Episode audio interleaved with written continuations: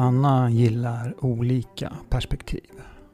Skriver nästan varje dag och har insett att egot är smart. Vi har ett samtal om motstånd, Cindy-dockor och elitidrott. Sen avrundar vi med att andas och prata om existentiell kreativitet. Jag som pratar heter Jonas Larsson. Tack för att du lyssnar. Nu kör vi. Så, Så. Är det bra? ja, Mm. det är jättebra. Mm. Hur är det med dig? Det är bra. Härligt att vara här. Är det det? Mm. Hur, hur tänker du just att vara här? Um, alltså jag känner nog mer än vad jag tänker. Men eh, när jag fick frågan så, så eh, alltså jag tycker ju allting som är nytt är spännande. Eh, så eh, jag känner mig både inspirerad och eh, glad och tacksam. Mm. Mm. Men när det är någonting som, vad ska man säga, erbjuds en möjlighet, eller att du får en fråga, Mm. klarar du verkligen att alltid se det så, så som du beskrev det nu? Att det är en möjlighet eller? Alltså jag, jag ser nästan allting tror jag faktiskt i livet som möjligheter. Även om känslorna kan ha sitt eget språk. Eh, så, så är jag medveten om, eller tänker att vi har ett högre medvetande. Som ser att allt som vi egentligen möter är alltid evolution eller utveckling eller vad det nu är. Så att det kan ju också vara att jag kan observera de känslorna eh, som kanske inte gillar eller tycker det är jätteutmanande eller så i saker som sker. Sen väljer jag också vad det är jag vill och inte vill göra. Eh, så att det känns rätt och sant för mig det jag gör eller väljer. Mm. Mm. Hur mår du just idag då? Just idag som idag, Ja, alltså eh, hur är din dagsform? min dagsform är bra. Eh, jag börjar ju varje morgon med att meditera och göra yoga och så. Så det, det sätter också väldigt mycket dagen. Sen är såklart går ju alla dagar upp och ner också. Eh, men eh, idag är en skön dag och jag uppskattar framförallt när solen är framme. Jag försöker ju att vintertid inte kanske vara där det är kallt utan försöker vara där det är varmt. Mm. Mm. Hur, vilken tid går du upp på morgonen då och hur ser din morgonrutin ut när det gäller yoga och, och Mm. meditation? Lite olika, men runt fem. Mellan fem och sex. Och sen har jag ett par timmar som är för eh, yoga och pranayama eller andningstekniker och meditation. Hur länge har du hållit på? Hur länge har det varit din, din morgonrutin? Eh, jag gick eh, på- det sättet, jag har alltid haft rutiner och men på det här sättet så jag gick en yoga teacher training i januari. Eh, och det har förändrat eh, hur intensivt och hur mycket jag njuter av också faktiskt eh, den närvaron och stillheten. Jag har under många, många år eh, gjort eller haft olika typer av rutiner. Också som elitidrottare så är jag ju tränad i det, men skillnaden nu handlar om att det inte är någonting som jag måste göra, utan att det är någonting som jag verkligen vill göra, att det kommer inifrån att gör jag det inte så mår jag inte bra, eller då eh, lever jag inte så som jag vill, eller jag känner att det saknas någonting. Mm. Mm. Vi kommer komma tillbaka till det här med elitidrott Mm. lite senare. Mm. Jag tänkte att vi skulle prata en del om relationer Mm. idag, Mm. bland annat. Mm. Och eh, under vilken del skulle du se att vi skulle eh, göra det?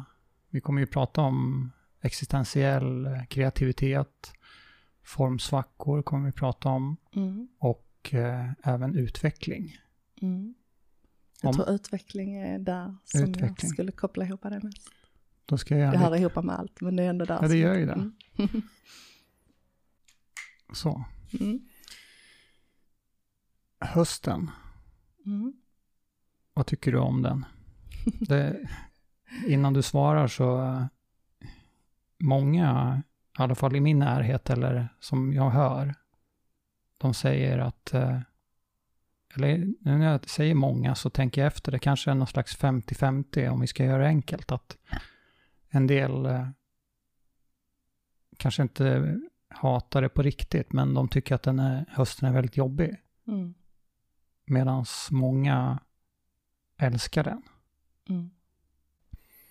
Hur, hur är din relation, om vi nu ska komma tillbaka till det, till, till hösten? Mm. Jag, är, eh, alltså jag älskar höstens färger och eh, jag tror att jag ser alla perioder och cirklar i livet som, eh, som också ett sätt att leva. Jag har varit mycket i den schamanska indiantraditionen och där lever man väldigt nära naturen och det finns, eh, vad kan man säga, i, i varje årstid, varje element så finns det saker som påminner om en själv.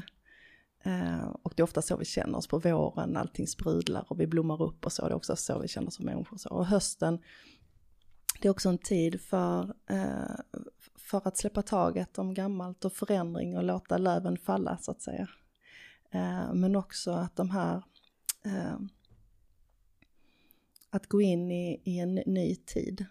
Eh, där man har mer, mörkret kommer, man kan tända ljus och man har mer tid för reflektion och eh, man kanske har varit ganska aktiv under vår och sommar och så. Så det är också en tid för den här inre reflektionen som naturligt innan industrialiseringen och ljuset kom så var det ju det vi faktiskt gjorde. Men många har tappat den naturliga känslan för vad det är eller innebär. Mm. Sen tycker jag inte om kyla. jag tycker om eh, hög luft och snö och den typen av kyla, men inte skånska kylan. Så jag försöker att inte vara här eh, när det är alltför eh, Mhm. rått och kallt i Sk- Skåne. Mm. Men då, du, hur ser du på det här knepet då, eller eh, teorin att man ska frysa in vintern? Det är inget som har funkat riktigt på dig? Vad menar du med frysa? Nej, men alltså när det blir kallare, Mm, hösten och, vintern kommer, mm, att eh, om man nu är frusen av sig, mm. att det finns en poäng, eller rent fysiskt så är det bra att inte klä på sig så mycket kläder Ja, Okej. för, att, för att just inte frysa, Mm, utan att man istället ska frysa in vintern och då Okej. kommer man inte frysa så mycket sen. Aha, jag, jag tror nog inte på den metoden. Däremot så är det är lite paradoxalt, men jag vinterbadar ju hela vintern och, Mm. och badar liksom i iskallt vatten. Men jag kan också duscha ett par gånger om dagen i varmt vatten för att jag fryser på vintern. Så att, ehm, mm, nej, jag, eh, jag, det finns en man som heter Wim Hof som jobbar med andning och som lär sig att kontrollera kroppstemperaturen. Mm. Och delvis så kan man göra det med yogaandningen såklart. Ehm, men eh, det krävs ju ganska mycket koncentration för att hela tiden påverka det eh, om man ska leva i vardagen. Ja, han är fan, fantastisk, eller fascinerande Ja, och fantastisk. Mm. Men eh, och jag tänker nu så att, att den tekniken kanske inte är så enkel att applicera hela dagarna. Nej, exakt. exakt. Så därför så, så åker jag hellre till Bali eller någon annanstans. min- okej. men, eh, men nu då, ja, du, eh, du tror att du, du kommer komma iväg, eh, eller kommer du dra? Trots Ja. det rådande läget så att säga. Vi får se. Jag, jag väljer att leva i, i väldigt mycket nuet i allt som är och eh, ha tillit till eh, det som kommer. Om det är möjligt så är det möjligt och vart jag ska och, och sådär. Och ska jag stanna här så finns det något med det också. Mm. Du har inte bokat någonting än? Jag har inte bokat något. Nej. Och s- så gör jag sällan. Jag, jag kan boka eh, sådär direkt och sen har jag bara en biljett och sen så får vi se var jag hamnar och så tar jag det därefter. Mm. Mm. Kreativitet. Mm. Hur, eh, hur beskriver hur skulle du ge dig på att försöka beskriva vad, vad det är för någonting? Um, för mig är det någon typ av um,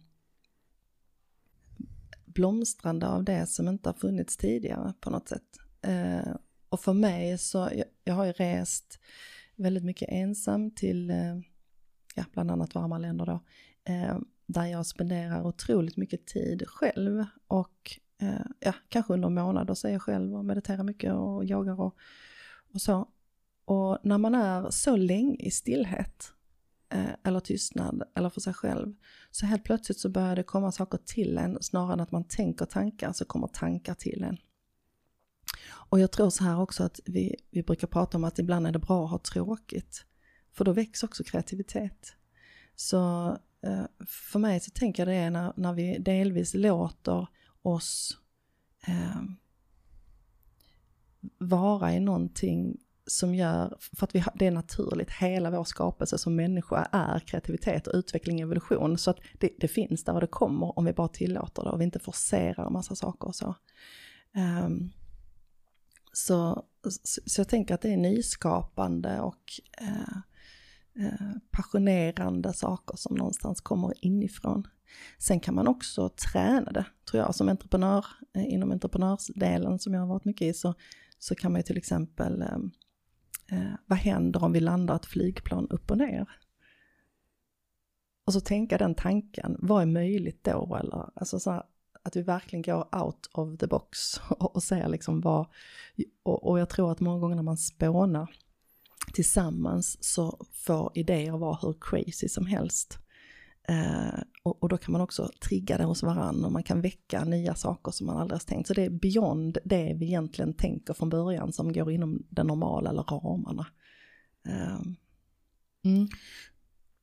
Det här du sa då att, eh, att det kan vara bra att ha tråkigt ibland. Mm. Har du gjort någon eh, vidare analys av det? Och sen sett kopplingen till exempelvis att vara i stillhet eller tystnad eller mm. att vara för dig själv? Mm. Att, för det, det i sig behöver ju inte vara att ha tråkigt. Nej. Att vara själv med sig själv. Precis. Eller hur? Verkligen Exakt. inte. Nej.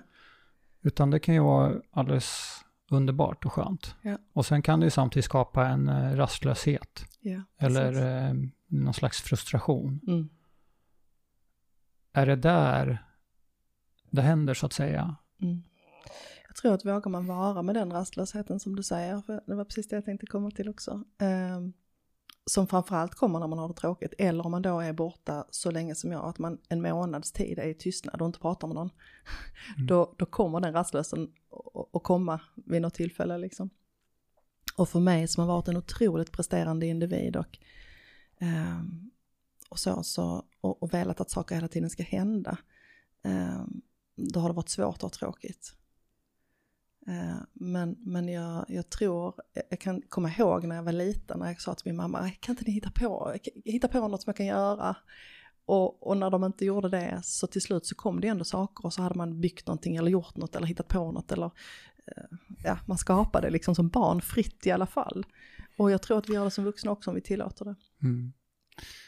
Lite lustigt, jag, jag småskrattar för att en fråga, jag har mm. inte förberett sådär supermånga, som som jag sa innan. Men, men en fråga som jag hade förberett, mm. det var just vad gillade du att leka mm. som barn? Ja. Och jag tänker kopplingen till just kreativitet. Ja.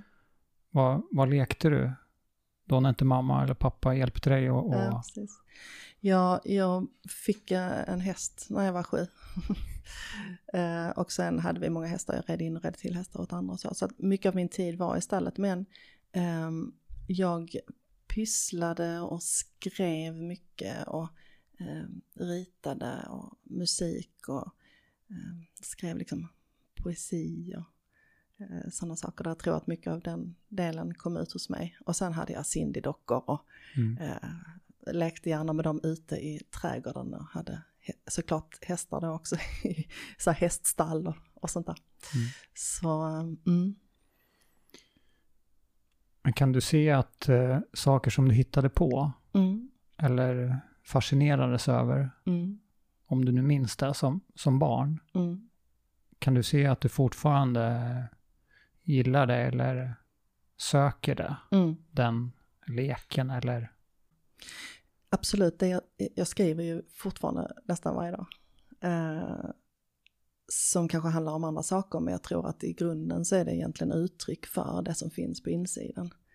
Eh, att det får liksom någonstans finnas på ett papper, att det får ta plats, att det får ta form och, eh, och väcka saker. Jag har hur många böcker som helst med så mycket text som jag aldrig kanske sen efter läser, men just i uttrycket i stunden så. Hur går det till? Hur eh, kan du ta, ta mm. oss med lite grann? Hur, mm.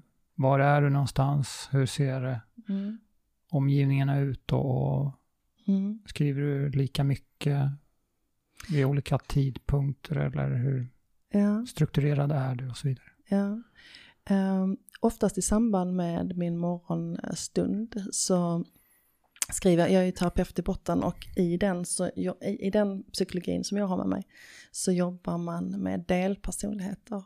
Eh, och man jobbar med det lilla barnet bland annat och sin, sin, eh, också sin, eh, vad ska man säga, högre medvetenhet eller själ eller spirit och så. Så det kan vara kommunikation mellan dem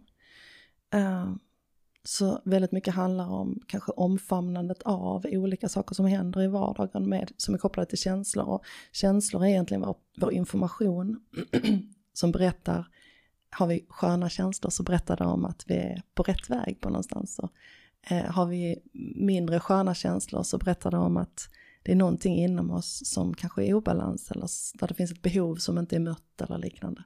Så många gånger är det den typen av kommunikation för att egentligen få reda på vad är det som händer där inne och hur kan jag möta upp de behoven och vilka önskningar har jag nu och eh, vad behövs för att jag ska känna att det är en skön känsla. Jag ser lite grann känslorna som eh, som ett eh, brandlarm, det är liksom brandlampan som går. Och sen är det många gånger som vi bara trycker av den och vi struntar i att leta var det pyr någonstans. Mm. Men där hittar vi också informationen till oss själva och till vår egen utveckling och eh, så. Så att det jag skriver om handlar väldigt mycket om det. Hur kan jag, min, min stora passion i livet är utveckling. Och, eh, både det jag jobbar med såklart, men också för min egen del. Det är liksom, går, sitter i första rummet för mig, alltså evolution eller utveckling. Men du sa att ha, få en skön känsla. Ja. Alla känslor är ju inte sköna. Nej. Hur, har du något sätt att, eh, att, att värdera eller att inte värdera Mm. Det, det som dina tankar? Mm. Utifrån att är det någonting som behöver lösas eller ändras på eller är det bara någonting som är? Mm. Ja, på samma sätt som att löven trillar av trädet Mm. på hösten eller något annat. Ja, och jag ser det nu som två olika, eh, man kan titta på det från olika perspektiv. För det ena kan vara att jag är en observatör över de känslor som är och att bara förlåta allt som det är, Eh, alltså, att förlåta allt vara som det är, är att bejaka och möta och se och stå i omsorgsfullhet med vad som pågår på insidan. Och det är oftast, och det är så jag jobbar med klienter också, att då får jag plötsligt vara den jag är med allt jag är. Och då känner vi också oss eh, helade på något sätt i oss själva bara genom det. Men jag ser det också som att eh, om vi har, eh, vi lever i dualiteten och polaritetens värld, där vi har alltid speglingar, allting utanför oss är också innanför oss och, och så. Eh, men ovanför det så har vi också eh, ett högre medvetande eller consciousness eller mm, vad vi nu vill kalla det, högre själv eller vad det är, som hela tiden kan se att vad jag än möter, om jag har en icke skön känsla, så kan jag också se att det, är det i sig är också en möjlighet för mig att eh, vara ännu mer mig själv eller att växa eller att omfamna någonting som inte känns bra. Eh, och när jag kan omfamna det så kommer det också släppa taget och jag kan expandera som människa, vara mer i kärlek, må bättre, eh, njuta mer av livet. Så då är det både en acceptans Ja. och eh, ett slags meddelande om att här är det någonting som om, om jag vill eller ser att det är viktigt att jag kan eh, jobba med det också. Mm. Eller att tillåta mig att det ändå ska få hända någonting. Ja. Att det är någon, någon eller något som försöker säga mig Ja. någonting. ja, precis. Och jag tror snarare så att skillnaden, för att vi kommer alltid, kommer alltid att hända saker, livet går upp och ner och det kommer alltid hända saker som är motstånd och som är jobbigt och så. Frågan är, vad är vårt perspektiv till det? Ehm, hur ser jag på motstånd i livet? För de kommer alltid vara där. Eh, så har jag ett förhållningssätt till det att ehm, allt är alltid perfekt precis som det är i sin imperfektion. Mm. Då kan jag säga att alla motstånd är också min möjlighet till ett bättre liv eller till att må bättre eller Mm. att växa. Har du kommit på någonting dåligt med eh, kreativitet? Alltså jag, tr- eh, förlåt. Nej, jag, för jag bara skulle utveckla lite att det är ju väldigt enkelt och lätt att se att eh, det kreativa är någonting positivt. Om vi vill Mm. Göra någonting annorlunda. Mm. Men eh, jag tänker, det kanske finns någonting dåligt också. Ja. Ehm, och om man tittar på ett högre perspektiv så, så skulle, man sä- skulle man säga att ja, men det finns aldrig någonting som är dåligt, allting är bra för en utveckling. Men om vi skulle titta på ett personligt perspektiv så, så tror jag att det spelar ingen roll egentligen vad det är om vi blir nitiska på någonting. Eh, om det är kreativitet, meditation, yoga. Eh, jag vet att jag eh, pratade med en, en väns eh, vän eh, som jag gick lite för som var munk och han sa det att ja, man kan bli perfektionist på att meditera också eller man kan bli, eh, liksom egot kan gå igång på att klara det bästa där också. Så att jag tror att vad som helst som vi liksom inte har balans i Mm. kan också bli icke gynnsamt för oss. Har du haft eh, någon vanlig anställning någon gång? Jag, vet, jag vet att du har varit egen eh, i många, många år. Mm. Ja, det har jag. Jag, eh, jag, har, jobbat, jag har jobbat på MQ, kläder, och jag har jobbat inom dagis och som lärarvikarie. Typ året efter jag själv gick ut ur den skolan. Mm. Och jag har jobbat på en dambindsfabrik nattskift. Mm. Jag, tyck, jag, jag kände att jag, ja, jag, jag visste vad jag inte ville göra resten av mitt liv. Det var en, bra, det var en bra motivationsfaktor. Mm. Mm. Men hur, hur började allt då med, med företagandet? Mm. Vill du berätta? Mm. Som sagt, jag red ju in hästar eh, tidigt i mitt liv, eh, till andra också. Eh, och och när jag, min, båda mina föräldrar var egenföretagare så jag växte upp med det också. Så när jag var 18 så, så startade jag mitt första bolag och jobbade i en försäljning och sådana saker. Och sen eh, eh, inom friskvård och var inom det under lång tid. Eh, så att jag tror att delvis så har jag nog varit en person som, som väljer att gå både min egen väg och gärna gå eh, eh, gå före, säger jag, och inte menat, men att jag har behövt gå min egen väg. Kan, kan gå före, kan det vara att även gå före dig själv? Har det, det har det absolut varit. Så att inte, Ja. det- nu var ju, gjorde ju jag en tolkning, Ja. att gå före skulle kunna Mm. betyda gå före andra. Men också under en lång tid gick jag också före mig själv. Jag hann, alltså min kropp hann egentligen inte här med eh, min, mitt, mitt ego eller min, mitt mind. Det var där, därför också 2000 som jag gick in i väggen. Ehm, ja, så att jag har ett ledarskap i mig själv som, som har varit tror jag, ganska naturligt för mig sedan jag var liten. Och jag tror att jag har med mig det lite grann också i familjen. Ehm, speglingar i det Mm. och så.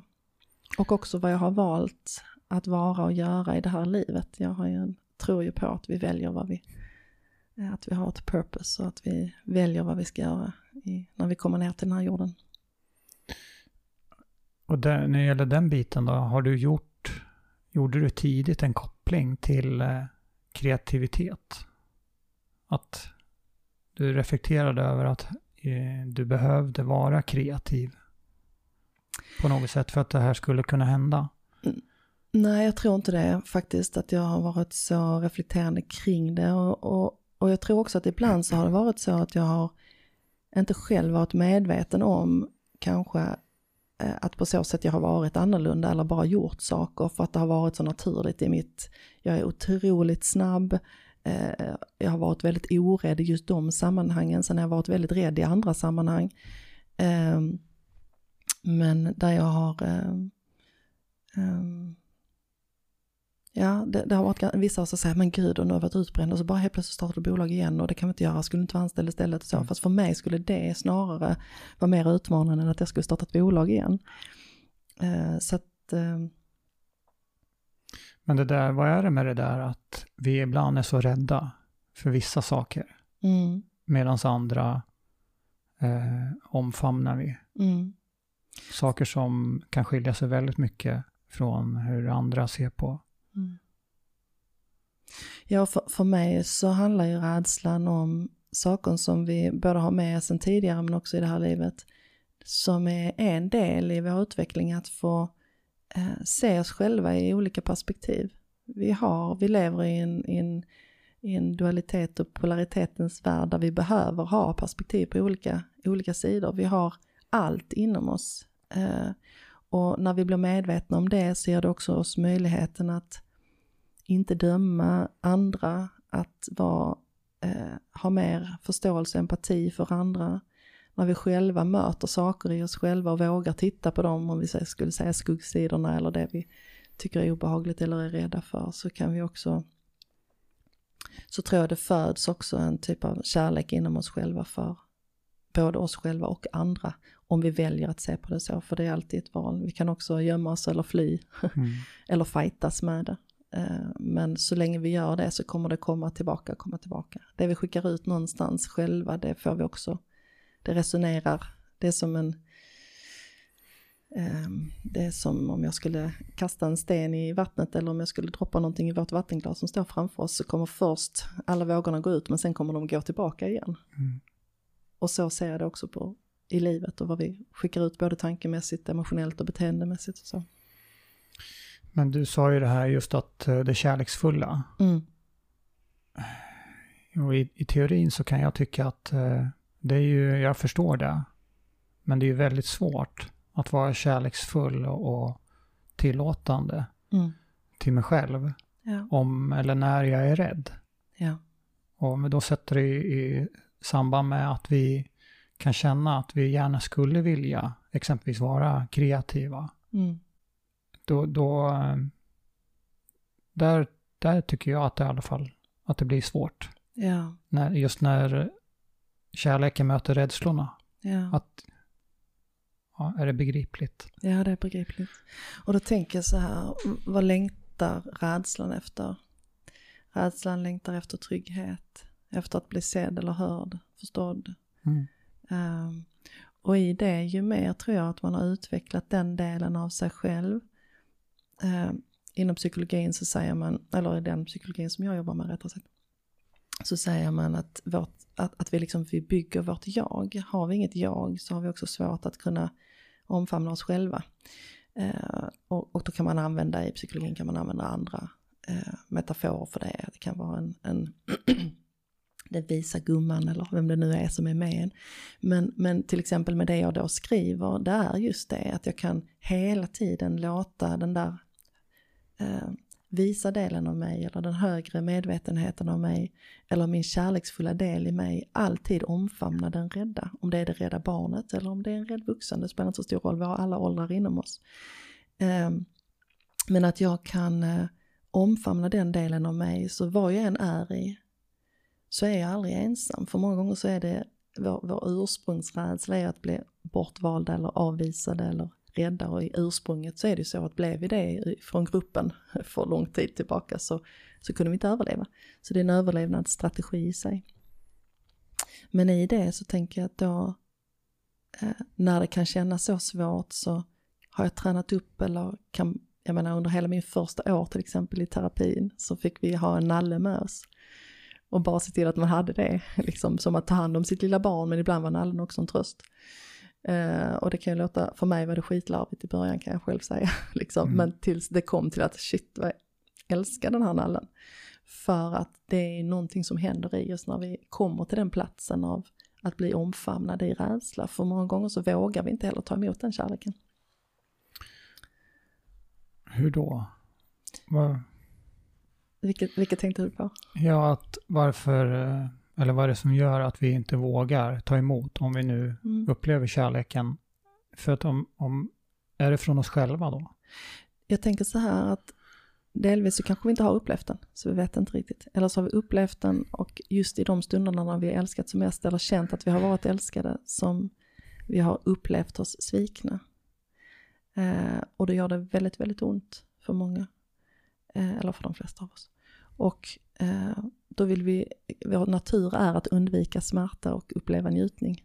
Så då försöker vi att hålla det ifrån oss. Och då kanske vi inte vågar älska igen eh, utifrån det perspektivet som vi ser på älska. Men tittar man på ett högre perspektiv så är kärleken eh, bortom kanske många gånger det vi har upplevt. Jag, jag, jag ser, på en, jag ser det som en altruistisk kärlek och sen har vi vår personliga kärlek där vi tänker i ett partnerskap eller med barn eller så. Men alla de relationerna har ändå på något sätt um, um, jag letar efter ett ord, när det inte är villkor, när det inte är villkorslöst. Och jag tror inte ens att vi kan föreställa oss eller tänka riktigt hur det är när det är verkligen villkorslöst, som jag ser att den universella kärleken är villkorslös. Mm.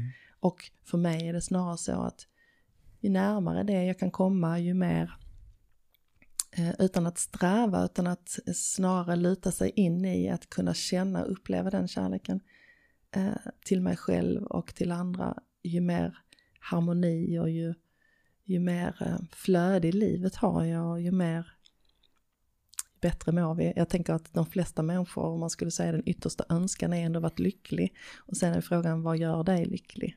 Och för mig så är den inre verkligheten, hur jag mår på insidan, det som avgör hur lycklig jag är. Mm. Mm. Men du kan, kan du ibland ändå uppleva att det är, alltså det är att förstå att på andra sidan rädslan mm. så finns det ofta ett svar eller och ibland någonting som vi vill mm. få. Det brukar man ju säga. Mm. Mm. Men inte alltid har i alla fall jag konstaterat. Alltså att det är inte så enkelt så att det bara är att det jag är rädd för, det är det jag vill ha. Eller det är det jag ska göra. Nej. Då vore ju livet inte så jättesvårt. Nej, precis. Kan jag tycka. Ja. Men just det där att, att avgöra vilken rädsla, eller vilka rädslor jag ska gå emot. Mm. Alltså att, att omfamna. Mm. Tillåta för att, för att eh, någonting ska hända som jag är rädd för. Mm. Mm. För jag tänker att egentligen ju de, de flesta, alltså om vi skulle säga att vi har eh, rädslor som, som verkligen är äk, rena, om jag säger det så då. Står jag vid ett stup mm. så ska jag vara rädd. Men det, det är så otroligt mycket rädslor i vår vardag som är fiktiva eller skapade som hindrar oss i livet. Vad ska andra tycka? Eh, gjorde jag nu rätt? Har jag gjort eh, det tillräckligt bra? Eh, hur ser jag ut i detta? Vad alltså alla de här tankarna som ständigt är där som utgår från rädsla. Som snarare hindrar oss i livet. Sen tycker jag också dimension är att eh, ens identifiera. Att det, det är inte alltid så enkelt att veta. Nej. Eller i alla fall inte för att jag har förstått att, att det var någonting som jag var rädd för. Mm. Som har gjort att eh, någonting inte har hänt. Mm. Eller att någonting har varit jobbigt eller så. Ja. Att eh, eh, det är inte helt självklart att, att jag i alla fall förstår mm. att jag är rädd. Nej, precis. Och jag tror att vi inte ens ibland vet, som du säger, att det är rädsla eller vad rädslan är eller vi har en definition av rädsla där vi tänker att det är mer, men vadå, jag är inte rädd, jag tycker bara så här. Exakt. Fast... Confirmation bias och, och ja, massa, ja. eller att vi rättfärdigar ja. hur vi ser på saker och ting, hur vi lever. Som att eh, det, det, är liksom det rätta. Ja. Och skulle man se på liksom vår, vårt sätt att eh, tänka vårt ego så är det så klurigt smart. Så att systemet och kroppen också, den försvarar ju. Eh, och vi har vårt, vårt undermedvetna och vårt omedvetna av en anledning också för att också skydda oss och överlevnadsstrategier och allt vad det är. Eh, så ibland är det ju ett, ett jättebra skydd att vi faktiskt inte, om, har vi upplevt till exempel svåra, svåra trauman, det finns ingen anledning att uppleva dem igen. Eh, och då kan ju det, den försvarsmekanismen vara bra. Men vi behöver fortfarande, vi behöver inte se det och veta vad det är, men vi kan fortfarande omfamna det jag kanske blir rädd för idag, även om det är triggat från någonting som hände när jag var 6 eller 10 mm. eller 15. Mm. Eh, för att jag ska kunna leva ett bättre liv just nu. Och jag tänker också att om vi på andra sidan, eh, eller motsats, motsatt sida till rädslorna, Mm. vad finns det där? Kärlek för mig. Kärlek. Mm. Mm. Så kan vi göra, sätta ett likhetstecken också med kreativitet, lika med kärlek. Eller kärlek, lika med, leder till kreativitet. Jag tänker att, att eh, om vi skulle kunna knyta ihop eh, det blocket kreativitet, Mm. inte bara med rädslor, Mm. även om du har berört kärlek då. Ja. Och, och, och kanske lägger vi olika saker i ordet i kreativitet, men för mig så är eh, att skapa, eh, tänker jag kan vara mer lika för mig. För att om, om vi säger att eh, jag jobbar väldigt mycket med de, de naturliga universella lagarna och den absolut största, högsta lagen där är the law of mentalism. Och det är egentligen att mickarna vi har framför oss, bordet vi har, ringen på ditt finger, allt kommer ifrån ett skapande av en tanke. Så det är liksom grunden till allting. Så, så jag tror skapande för mig, creation, i, i, i vad det än är vi gör eller är, hela universum är skapande. Det, finns, det, det enda konstanta är skapelse hela tiden. Eh, Och det ligger nog närmare för mig kärlek än kanske kreativitet i sig. Kreativitet tror jag är en del av, men som vi sa tidigare att för det första så är allt kärlek om vi skulle titta på ett högre plan. Men, men eh, tittar vi på vårt plan så, så är det kanske, kan vara en del av det, men det kan ju också vara som vi pratade om tidigare, att det kan vara motsatsen, att det är någonting jag går in i som en flykt. Mm. Mm. Ja, det, det, kan vara, det kan vara att skapa sig ett liv som vi vill leva. Ja. Det, det är kreativitet för mig. Ja. Att, att skapa, göra min dag Ja, på, på det sättet så att eh, jag mår bra. Det kan krävas att jag är kreativ. Mm. För det, det, gillar jag hän- det händer inte utan att jag gör aktiva val eller försöker. Nej, precis. Därför gillar jag ditt ord existentiell kreativitet. Och då skulle jag nog kunna säga att det är likhetstecken. Ja. Ja. Jag tänkte att vi skulle prata lite grann om eh, formsvackor. Ja. Och eh, kan du beskriva en? Vad det är för dig? Ja, alltså. Eh, jag tänker att det kan ju vara både hur jag mår och känner mig rent mentalt, emotionellt och sådär. För mig som jag sa innan så om jag inte ser till att jag eh, ger mig själv utrymmet för varande till exempel. Då kommer jag att komma i en formsvacka. Mm. Eh, för att jag har, eh, för att det är viktigt för mig eh, att, att eh, välja att må bra.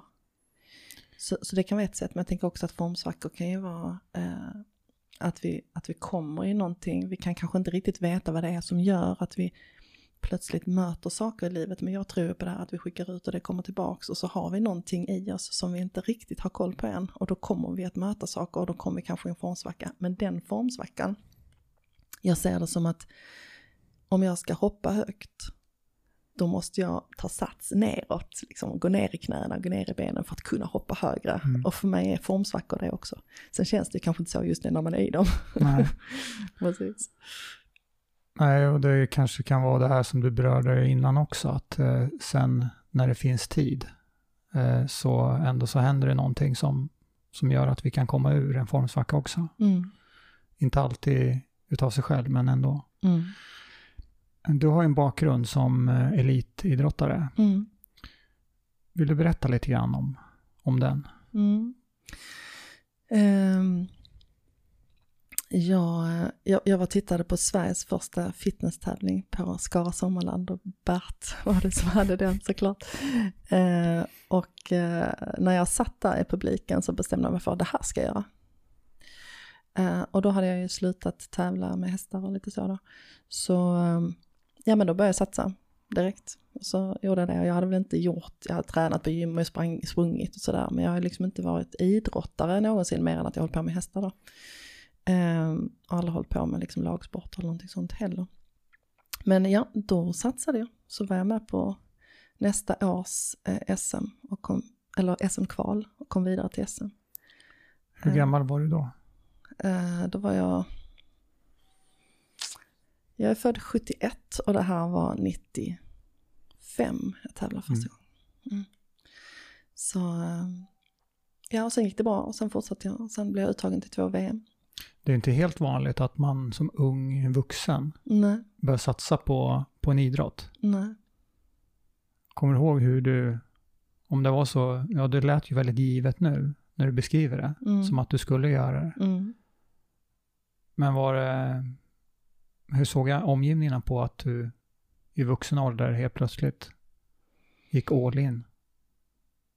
Ehm, jag fick nog inte så mycket sådär, och för folk som känner mig så tror jag att eh, det var kanske inte oväntat att jag skulle göra någonting i någon riktning som, och just nu var det idrott. Mm. Ehm, men eh, hur man lever då, när man satsar på det sättet och framförallt i fitness, det är ju lite specifikt kopplat till mat och väldigt mycket var tredje timme ska man äta och den typen av träning och så. Så det påverkar ganska mycket socialt för mig under den tiden. Mm. Mamma från början ju tyckte inte det var alltid roligt att bjuda på middag för det var alltid specialmat och sådana saker. Men de vande sig också. Ja, det blir ju en slags, eh, det behöver inte vara fanatiskt, men det blir, eh, det är liksom eh, en förutsättning för att det ska hända, eller Mm. att, att man eller att du ska prestera, det är ju Mm. att vara dedikerad, Ja. fokuserad och, och, göra Mm. väldigt många saker på många områden Ja, för att det överhuvudtaget ska kunna hända någonting. precis. Men, men upplevde du då, kommer du ihåg att, eh, att du drabbades eller hade några formsvackor? Då Ja, under, din, under din karriär? Ja, gud ja. Och då var jag också sådär, då var jag också, det var här, var ju innan min utbrändhet och när jag fortfarande var en presterare och duktig flicka och skulle liksom eh, vara bra på allt och hela tiden så. Så, så absolut, eh, det fanns ju gånger, och jag vet också att jag skulle hålla en föreläsning till exempel som, som inte var, allting jag har gjort eh, har ju liksom varit sånt som jag själv har upplevt och har, alltså jag har alltid jobbat så att det är saker jag själv har upplevt som jag föreläser om så att det liksom sitter i mitt system riktigt och det är så jag alltid har gjort allting. Jag har lyssnat på vad man, människor har sagt och sen gör jag det själv och så känner jag vad är sant för mig. Um, och jag vet att jag skulle hålla en föreläsning och så skulle de ha ett visst ämne och det var inte ett ämne som jag liksom själv hade, jag ägde inte det ämnet, det var inte helt sant för mig. Eh, och på den tiden då hade jag liksom gjort, då hade man ju overhead och det var ju, du vet, man hade gjort så här stab. Och sen bara så här, ja nu har jag pratat om detta ämnet, jag har ingenting mer att säga om det. Och det kom inga frågor, jag skulle föreläsa tror jag en timme. Jag var kvar, klar efter 40 minuter. Och, och, och liksom så här, men jag har inget mer att säga. Och det var, jag vet hur jag själv upplevde att det var en hemsk upplevelse för mig. Och det var, och jag tror jag mådde dåligt i liksom ett par veckor efter för att det visade att jag var inte den och jag var inte duktig. Jag skulle liksom vara allt det här som man önskar att man ska vara och, och så. Så att, eh, typiskt sånt exempel som Mm. liksom, när man misslyckas på olika sätt då. Och även om så här utifrån och i efterhand kanske inte, det var ju inte ett misslyckande Nej. Men upplevelsen Att- att var ju så då. Precis. tidigare. Ja, exakt. Men det var ingen, eh, det var ingen i din omgivning, antingen från, eh, från sportens sida så att säga, eller någon annan. Hade du fått någon teoretisk kunskap om där, när du började satsa på, vad, vad händer när man tränar? Vad händer, hur ser liksom eh, utvecklingsprocessen ut eh, i, i träning eller när man satsar? Nej. Så min följdfråga blir ju, för jag är nyfiken på just det där med den här beredskapen, Mm. handlingsberedskapen eller förståelsen för vad är det som händer Mm. när det tar stopp? Ja. Om man nu ska beskriva det så. Ja. Nej, jag tror att det var väldigt mycket trial and error liksom. Man fick prova och eh, lärde sig också med, med, med det och i det. Och sen så tror jag att, alltså jag har ju alltid, som, som jag sa tidigare, jag har gått min egen väg, jag har varit liksom stark i min sanning på så sätt att jag, ehm, så även om jag kunde på den tiden ha dålig självkänsla kopplat till saker och vara rädd för saker och så, så var jag ändå väldigt beslutsam kopplat till vad som var viktigt och betydelsefullt för mig. Som till exempel mitt sista VM tackade jag nej till. Uh, för att jag kände att uh, jag hade inte det jag, jag ville för att jag skulle kunna satsa. Och dessutom så var, var jag var helt övertygad om att jag skulle vinna det året och kom tvåa för tredje året i rad. Eh, och det blev en massa samtal och så kring eh, ja, att jag skulle åka och de ringde från olika håll att ja, men åk nu och det är liksom. Men eh, nej, jag var klar över att jag är klar nu. Eh, och det handlade inte om rädsla för att misslyckas eller rädsla för sådana saker utan det var bara, jag var helt klar över att den här tiden, den här eran är färdig för mig nu och nu är mm. jag klar. Så. Och då kom det som ett brev på posten som kom, och så har det varit alltid för att jag har följt min sanning. Då kom ju gladiatorerna in så då var jag med som gladiator i tre säsonger. Och kunde tävla och kunde träna eh, kampsport som jag hade velat göra jättelänge som jag inte vågade innan för att jag var rädd för att skada mig för den sporten. Då. Så det kom andra saker. När man stänger dörrar så öppnas nya. Mm. Men eh, hur, hade du någon, så här, någon strategi? Kommer du ihåg det? Eller hur, hur, vad hände eller hur gjorde du när du kände att du hade en formsvacka? Var det eh. det klassiska att träna hårdare eller? Ja, alltså jag tror att jag gick igenom nog alla de där sakerna som man, alltså jag var nog både offer och, mm. och, och liksom gav upp och eh, Eh, så varade det för en liten, liten stund och sen så den här drivkraften av att lyckas och drivkraften av prestation och drivkraften av liksom att den har varit så stark för mig alltid så att jag tror att det var den som tog mig hela tiden till att eh, göra bättre. Men jag tävlade också väldigt mycket med mig själv. Jag tävlade inte så mycket mot andra utan jag tävlade för mig själv. Så jag vet att min sista, eller näst sista tävling så eh, i en av klasserna så kom jag eh, alltså jag, jag eh, även om jag kom tvåa då, så lyckades jag med mina mål och mitt, min sämsta gren det var egentligen den fria uppvisningen med split och upphopp och allt sånt som är den. Och då vann jag den. Så mitt mål var nått, alltså mitt mål, fast slutresultatet var inte samma och då brydde jag mig inte så mycket om ändå. Och jag kommer ihåg att eh, jag lyssnade på Stenmark en kort tid efter där han kunde komma etta och var missnöjd, han kunde komma fyra och var jättenöjd. Och det var precis den känslan jag hade, att mm. allt, allt jag hade satt som mål uppnådde jag. Det kändes totalt perfekt i allting jag gjorde. Sen räckte det inte hela vägen fram och det gjorde inte så mycket för mig då. Mm. Mm. Gladiatorerna då? Mm.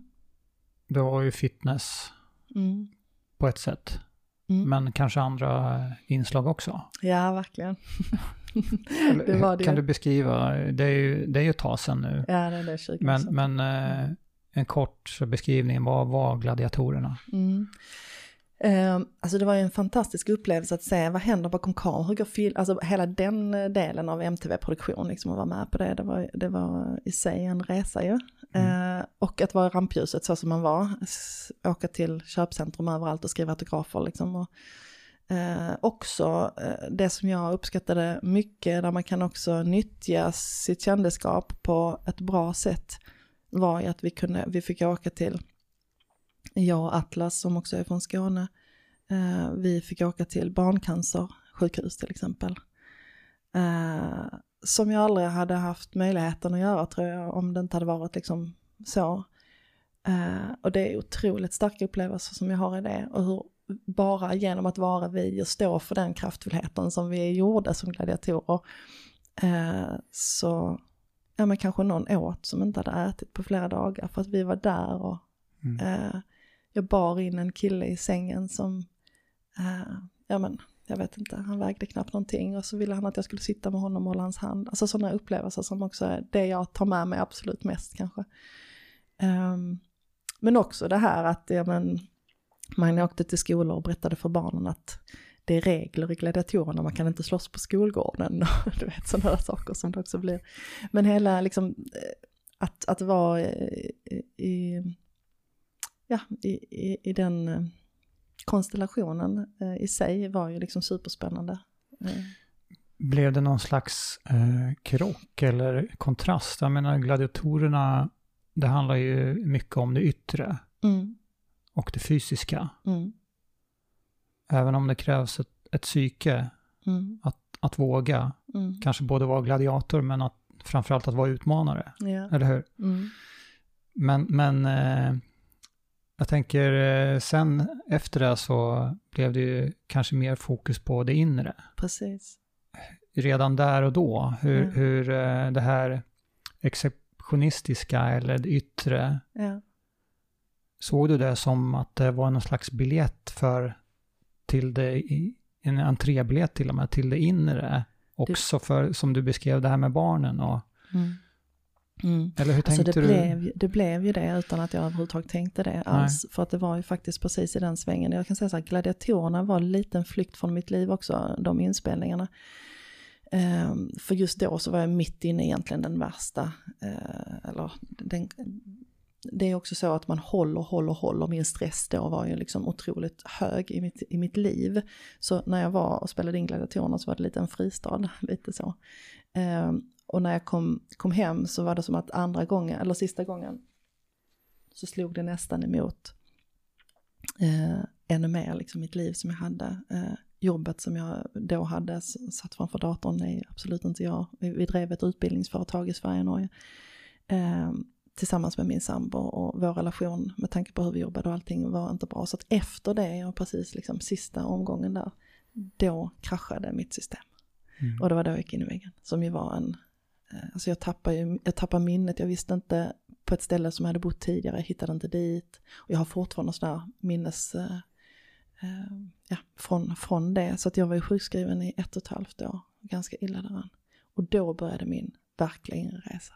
Så jag ser det också att livet ger oss ju möjligheten att stanna upp. Stannar vi inte upp själv, jag hade fått diskbråck, liksom fick det också vid tillfälle. Och alla sådana saker i livet där ute som påverkar oss, det är ju en möjlighet att, fast det såg jag inte då, men Nej. nu kan jag säga att det var biljetten in, precis som du sa. Men samtidigt så finns det, tycker jag, sånt här, det behöver inte vara en motsats. Det är så lätt att vi, eh, eller vi, jag kan ju prata för mig själv, att, att, att säga just den här inre, eh, värdet utav det inre, Mm. eh, där sker eh, ja, den, den största resan Mm. många gånger, eller utvecklingen Mm. för vad som ska hända. Mm. Men samtidigt så finns det ju någonting eh, väldigt skönt i det fysiska. I att få, ja du beskrev det själv som att det blev som en tillflykt Mm. som du fick gå in i Ja. under inspelningarna. Mm. Att, eh, för det är skönt, tycker jag i alla fall, Mm. att, eh, att bara ja, kötta, alltså att bara köra. Mm. Att exempelvis träna, eh, någon, göra någonting fysiskt. Mm. Så det, och vilket jag kan förstå varför det är så. Ja. Och det är jobbigt på ett sätt. Mm. Den inre träningen, det är jobbigt på ett annat sätt. Ja. Och svårt på ett Ja. annat sätt. Men att eh, jag kan tycka om att det, hur det kompletterar varandra. Och, och tittar man, för att knyta an då till gladiatorerna igen, Mm. att det är lätt att just se det per, per SC, just det yttre. Mm. Att det är så som man betraktar, beundrar en gladiator. Mm. Ja, och, och jag tror att det spelar ingen roll om det är yttre eller inre så handlar det alltid om vad är källan till syftet eller varför jag gör någonting. Mm. Så om jag, om jag skulle säga att om jag medvetet väljer att ta hand om frustration, ilska, eh, stress, eh, vad det än är, eh, så kan jag medvetet till exempel gå till träningen och göra det. Men jag kan också vara omedveten och fly från det jag behöver ta hand om. Jag kan in, gå inåt och bara så här, och allt är så hemskt och gud vad det är dåligt och allt är jobbigt och gud vad jag känner så här och bla bla bla. bla. Eller så kan jag liksom gå, mm, intressant den här känslan är här nu, hur, hur kan jag möta den? Um, så att, spelar ingen roll om det är där ute eller där inne, så är alltid för mig syftet, vem är det som egentligen gör, har jag gjort val eller är offer för omständigheterna nu? um, och, och jag valde ju att efter hela den här uh, tiden som jag hade varit i, att välja, för då hade jag ju valt bort mig på många sätt, eller valt annat som jag trodde att jag måste eller borde. Eh, att se till att välja, till exempel var det då jag började åka utomlands längre tider. För att det var en längtan och en drivkraft. Och eh, också göra de här sakerna som inte var planerade, kontrollerade, strukturerade. Som jag hade gjort allting tidigare. Jag valde ju till exempel att, eh, eh, som, som jag hade också, som väcktes liksom och som jag ville göra, åka till Afrika med motorcykel. Mm. Eh, Och jag hade ingen motorcykel, eller jag hade inte motorcykelkörkort rättare sagt. Så jag fick ju gå till eh, körskolan och fråga om jag kunde ha ett körkort den och den datumen och de bara sa, men så funkar det inte, vi kan inte göra så. Fast jag sa, är det möjligt att jag har det då? Ja det är möjligt, ja men det är bra då kör vi och så tog vi hand på det. Och sen hade jag mitt körkort innan jag skulle åka och så körde jag motorcykel tillsammans då med min dåvarande partner eh, ner till Sahara, in i Afrika och Sahara och, och hem igen. Eh, och något år senare så åkte vi på andra hållet, och åkte till Nordkap. Och att packa en, en eh, ICA-kasse med allt jag behöver för eh, fem veckor eller vad det nu är som vi var borta. Eh, det är också den här lättheten och du kan inte planera någonting och du tar stunden och då, det var också en början för mig att leva så mycket mer närvarande i nuet. Mm. Och att ge mig själv alla de sakerna i livet. Att, att inte att bli regissör i mitt eget liv och inte tänka det där ska jag sen. Jag sa det alltid, så sa jag, jag ska bara göra detta nu så gör jag det sen. Sen kom aldrig. Och det var därför jag gick in i väggen. Så för mig var det att vända på det, precis som jag hade gjort med träningen, att välja att jag ska äta mina tre mål, jag ska träna så. Så börja göra i livet med de sakerna som jag verkligen ville också. Att följa någonstans det som är glädjefullt för mig och göra bara det jag tycker om. Um, Men var det, var det någon slags eh, en blandning av struktur och icke-struktur? Alltså att du tillät att saker och ting hände och att du gjorde saker som inte var sådär jätte eller superplanerade. Mm. Men var... också samtidigt så, ja även nu i nutid så har du ju en mm. har du struktur eller du har rutiner mm. på morgonen som du tycker om. Ja. Att... Precis, och, och jag, jag, tror att det är viktigt faktiskt. Eh, sen finns det nog, jag, jag, har liksom något motstånd i att vara fanatisk igen som jag ju var ändå i träningen, får man ju säga. Eh, så om jag skulle känna en morgon att jag är vad det nu är som jag skulle känna, mm. för oftast är det så att jag vet att till exempel andningen, eh, hur jag än mår så vet jag att det hjälper mig. Men om jag nu skulle känna att idag vill jag bara ligga i sängen och dra mig, då gör jag det. Så att det är ingenting för mig för att vara fast längre. Liksom. Um, men det kommer snarare från en vilja att göra det. Så att inte det bestäms i förväg på något sätt. Men jag tror ändå att struktur är bra för mm. de sakerna som gynnar oss. Jag behöver det mm. emellanåt. Jag behöver, vissa saker gör jag. Mm. Trots att jag inte känner för det. Ja. För att jag ändå vet att jag vill fortsätta göra det. Ja. Det, det är inte svart eller vitt i alla fall ändå. Men, Nej. men då kan jag också det, tänka, då väljer du också medvetet Ja, det, det gör jag. Ja. Mm. Men, men och det är precis som på många andra områden att det enkla teoretiska resonemanget, mm. det går att, just att begripa. Ja. Att man kan inte bara hålla på och göra saker för att man har bestämt sig. Nej. Det förstår jag också. Ja, ja precis. Men just det där att, okej, okay, eh, idag ska jag ligga kvar i sängen. Ja. Kontra att, ja men eh, det vill jag på torsdag också. Ja, precis. Fast då borde jag gå upp. Exakt. För det, det, vet jag att det mår jag bra. Exakt. Återigen så kommer man tillbaka, vem är det som väljer att jag ska ja. ligga kvar i sängen? Är det liksom... Eh, den, den som, Ja, precis. Är det den som gynnar mig eller den som begränsar mig just nu? Och, ja. och urskiljningen av det är ibland svår. Den är inte helt enkel. Den är inte enkel. Mm. Jag tror att många gånger så vet vi ja. vad som är bra för oss. Ja. Men det är jobbigt. Och det säger jag inte för att förringa det jobbiga, inte på något sätt, utan mer en förståelse för att mm. Det är inte så konstigt att, att vi samtidigt är kvar i det jobbiga eller det som vi inte mår bra av. Exakt. Kan du se att äh, människor som inte har varit äh, eller tränat eller varit aktiva på elitnivå, som du har, kan du se att, att de skulle kunna ändå äh, lära sig någonting utav, eh, eller att du skulle kunna dela med dig utav någon slags insikter om hur det är att drabbas eh, formsvackor när man tränar på elitnivå. Och så försöker vi omsätta det till, till eh, någon slags Svensson eller, ja, jag heter ju Larsson, men ja, du fattar, som, som kämpar med att hålla i träningen även fast det är tungt. Mm. Alltså jag tror så här, för att väljer man någonstans att elitsatsa så finns det ju någon, eh, och det behöver inte vara så, men, men de flesta fall så tror jag ändå att man har någon, att man tycker om det. Eh, sen så kan man ju drivas av prestation eller liknande, men, men man väljer ju ändå en sport som man av någon anledning tycker om, tänker jag. Och jag tror att det är likadant i livet, att, att också se då till att göra de sakerna som man faktiskt tycker om, som jag, och inte göra som jag gjorde innan jag gick in i väggen och blev lite klokare, eh, att eh, jag gör det sen för att nu måste jag göra detta och detta och detta. Eh, för vi har bara nu. Vi Mm. har bara nu. Men det där vet vi ju om, mm. teoretiskt. Mm.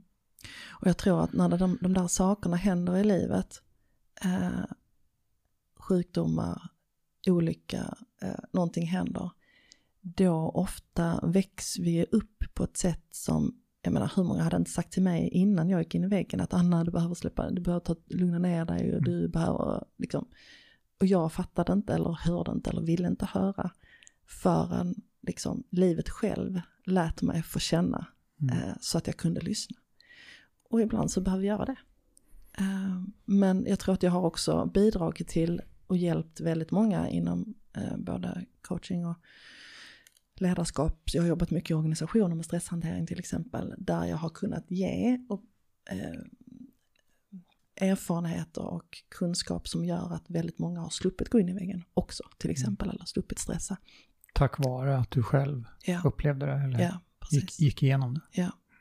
Så om jämförelse som du angående din fråga så tror jag att de skills man har eh, i, i, när man engagerar sig för någonting, om det är idrott eller om det är för mänskliga rättigheter eller vad den är, så finns det en inre drivkraft. Har jag ingenting att lägga min drivkraft på så tror jag att det är svårare för mig att ta mig ur formsvackor. För att då är det lättare för mig att stanna där, för att jag har ingen bra bensin. Du nämnde det tidigare att du har ju du har jobbat med organisationer, stora organisationer Mm, med utveckling mm, och eh, olika program. mm, Ledarskapsprogram, traineeprogram. mm. Ja, vad finns det mer för program som, som du har jobbat med? Talangprogram. Talangprogram, ja. Mm.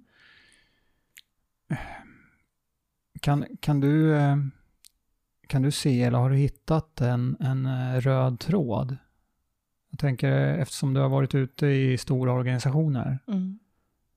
så vad är vi bra på i Sverige när det gäller just att jobba med utveckling i, i det här fallet då, i, i program, eller på Mm. det sättet? Mm.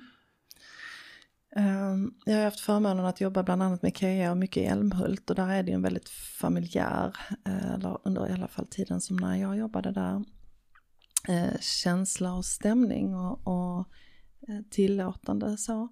Ehm, och, och nu har ju inte jag så mycket erfarenhet av andra kulturer mer än de jag har jobbat med när kulturerna är i en svensk kultur då om man säger att, Mm. att vi har eh, anställda från Indien eller Kina eller annat som har varit i de grupper jag har jobbat med. Men jag har inte jobbat utomlands. Så jag har svårt att, att, att liksom se den skillnaden. Men, och, och det som är intressant i det också det är att se att våra eh, säga till exempel respekt så betyder det någonting i Sverige men det betyder någonting helt annat i ett annat land. Till exempel att om, man, om det skulle vara någon i, i gruppen som skulle börja gråta så i Sverige så skulle det vara respektfullt att fråga hur det är och hur du liksom och finnas där och så.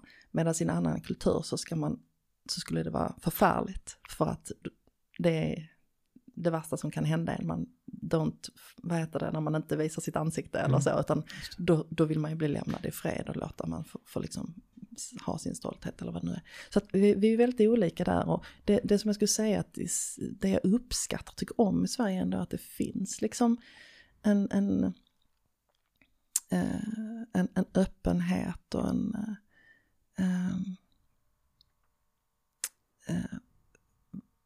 ett, ett ledarskap som, som blir mänskligt och eh, ja, det, fin- det beror ju såklart på vilken ledare, men om jag tittar så som jag uppfattar det och tänker i alla fall så, så finns det ganska mycket humanitet och så i, i de stora organisationer som jag har varit i.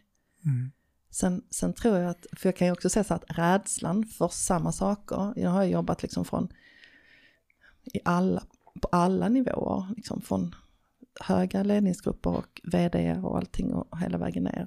Och samma rädslor finns hela vägen. samma drivkrafter finns hela vägen.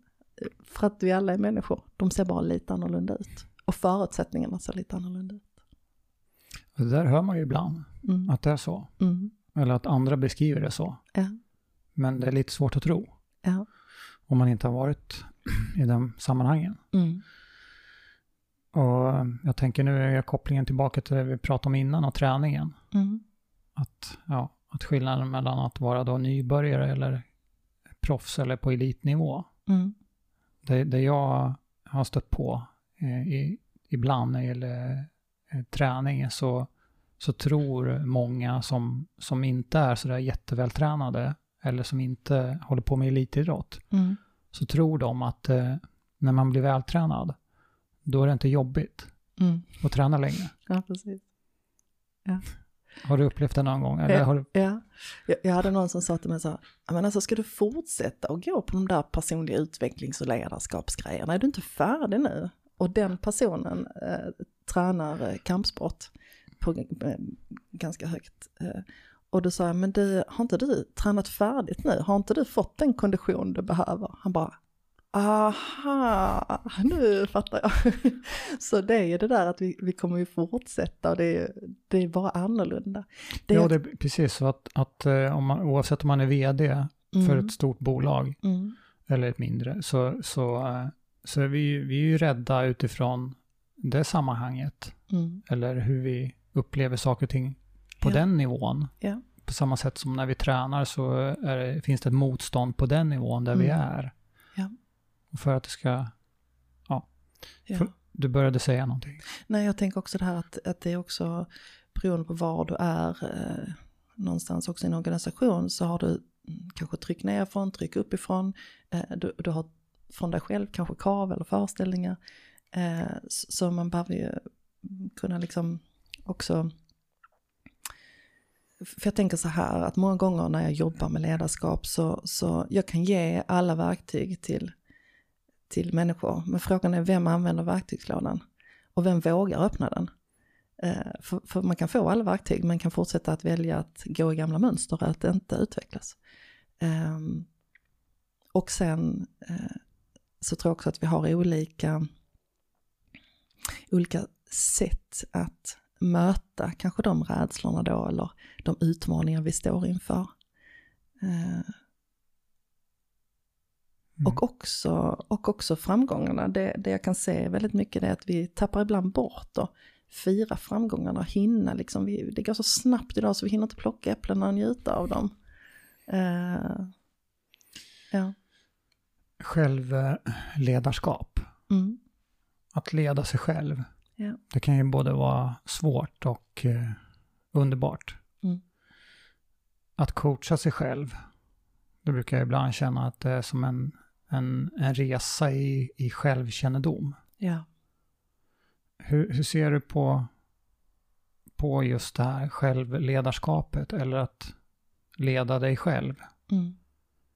Jag tror att det är en förutsättning att ha självledarskap för att kunna leda andra. För att vet jag inte det själv så kan jag inte förståelse eller empati eller lyssna eller höra heller andra. Och att jag också eh, blir nyfiken på vad det är som finns bakom beteenden och attityder. Att jag kan ehm, eh, om jag som ledare lyssnar så kommer jag också få svar.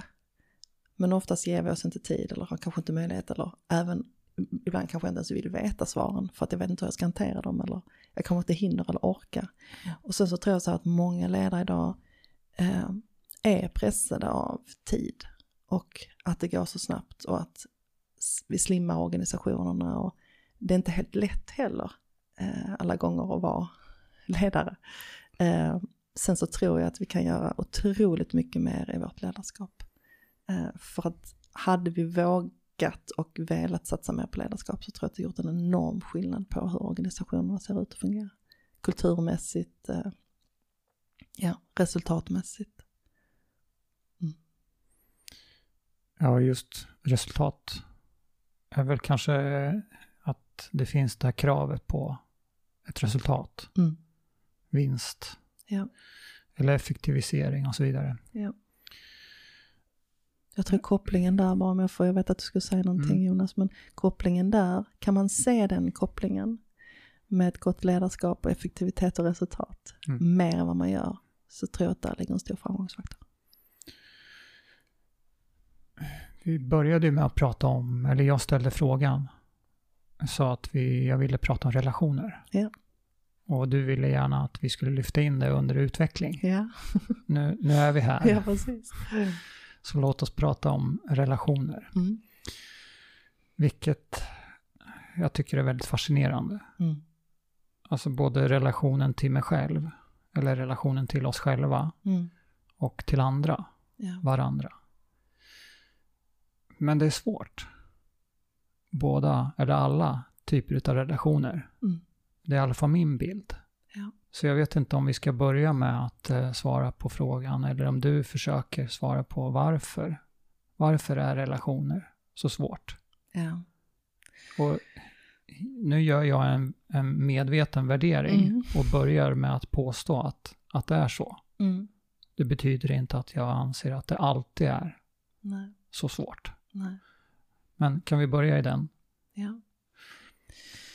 Um, och det här är ju en jättestor och komplex fråga ju såklart. Uh, men om jag bara tänker på vad är relationer? Relationer är ju hela tiden ett utbyte av två olika verkligheter. Om vi skulle säga att du är en cirkel och jag är en cirkel. Sen har vi ett space tillsammans mitt emellan oss där de blandas, de två eh, cirklarna. Och därför blir det unikt i varje möte. Ehm, så jag kan ju ha vissa typer av problem kanske med en person, men jag har det inte alls med någon annan. Likväl tvärtom, jag kan verkligen ha vissa saker som bara ah, funkar och klaffar och är så med någon men inte med någon annan. Ehm, och för mig så är det också att alla relationer är ju som du också började med, att relationer med sig själv, för att vi speglas i andra hela tiden. För varje gång jag möter en person så får jag se mig själv. Vem är jag nu? Hur agerar jag nu? Vilka känslor får jag nu? Hur vill jag hantera det? Ehm, och, och så medvetna är vi kanske inte om vi inte är i, i den branschen som jag är. Men omedvetet så kommer vi hela tiden att påverkas i relationer. Mm. Jag Och vet inte om jag svarar på din fråga. Jo, jag, jag blir tyst för att jag tänker. Men, men är det att, eller en, en anledning till att, eller om det är svårt i en Mm, relation, eller oavsett om det är då med oss själva mm, eller med andra, mm. är att vi är, eller har svårt med att möta oss själva? Mm. Det, skulle det kunna vara en eh, delförklaring i alla fall? Ja, jag tror att vi i alla fall behöver ställa den, den eh, frågan till oss själva. Att eh, vad speglar det här i mig? Eller vad har jag möjlighet att välja nu i det här mötet? Och vad säger det här om mig? För, för många gånger så är det väldigt lätt för oss att lägga det utanför oss själva och döma kanske eller tycka saker om andra eller eh, det är ju bara för att den personen är så här som det blir så svårt eller den har gjort det här mot mig eller så. Och, och jag, jag tror inte på att någon annan kan göra någonting, an, någonting mot oss om vi inte själva tillåter det. Eh, sen är det ju inte alltid lätt att, att, uppleva, eller känna eller leva det, men det är min totala sanning. Att ingen kan såra mig, skada mig, göra mig illa om jag inte själv tillåter det. Eh, och jag vill bara göra en, en liknelse eller en koppling ska jag säga till, till Viktor Frankl som levde i koncentrationslägren. Som, som ju sa att ja, de, kan ju, de kan ju skada mig och göra allting och gentemot alla de här eller ta en till gaskammaren. Men det finns en sak som ingen någonsin kan ta ifrån oss och det är vår egen värdighet. Eller liksom att jag kan välja att låta någon annan eh, värdera mig eller styra mig. Jag kan gå med total dignity liksom, till och med in i gaskammaren. Sen kan vi ju inte ens, jag kan ju inte ens föreställa mig om jag skulle ens klara av att göra det eller veta hur det skulle vara. Men jag tror, jag, jag tror på att det är sant. Eh, men vi vet inte förrän vi själva möter situationer hur vi själva kommer att reagera. Nej. Han, hans, han skrev ju just om att det var väldigt få som klarade av det Precis. i lägren. Mm. Och vi har pratat och berört hans bok eh, Man's Searching for Meaning Mm. tidigare här i podden. Ja, okej. Så Ja. eh, jag ger gärna igen eh, det som en, ett, ett litet boktips ja, precis. om man är intresserad av eh, utveckling, vad är Mm. meningen med hela skiten? Ja. Livet måste ha mening, heter Ja, det på svenska. Och, Mm. mm, den på engelska. Mm. Och eh, ja, Mm. Men, ja, nej, jag ställde frågan. nej, det, jag hade ingen färdigformulerad fråga. Nej. Jag tänkte på, på mening, eh, om vi ska göra kopplingen då till relationer. Ja. Så att eh, det, det, det är relativt enkelt att, att se meningen med att ha bra relationer eller nära. Ja.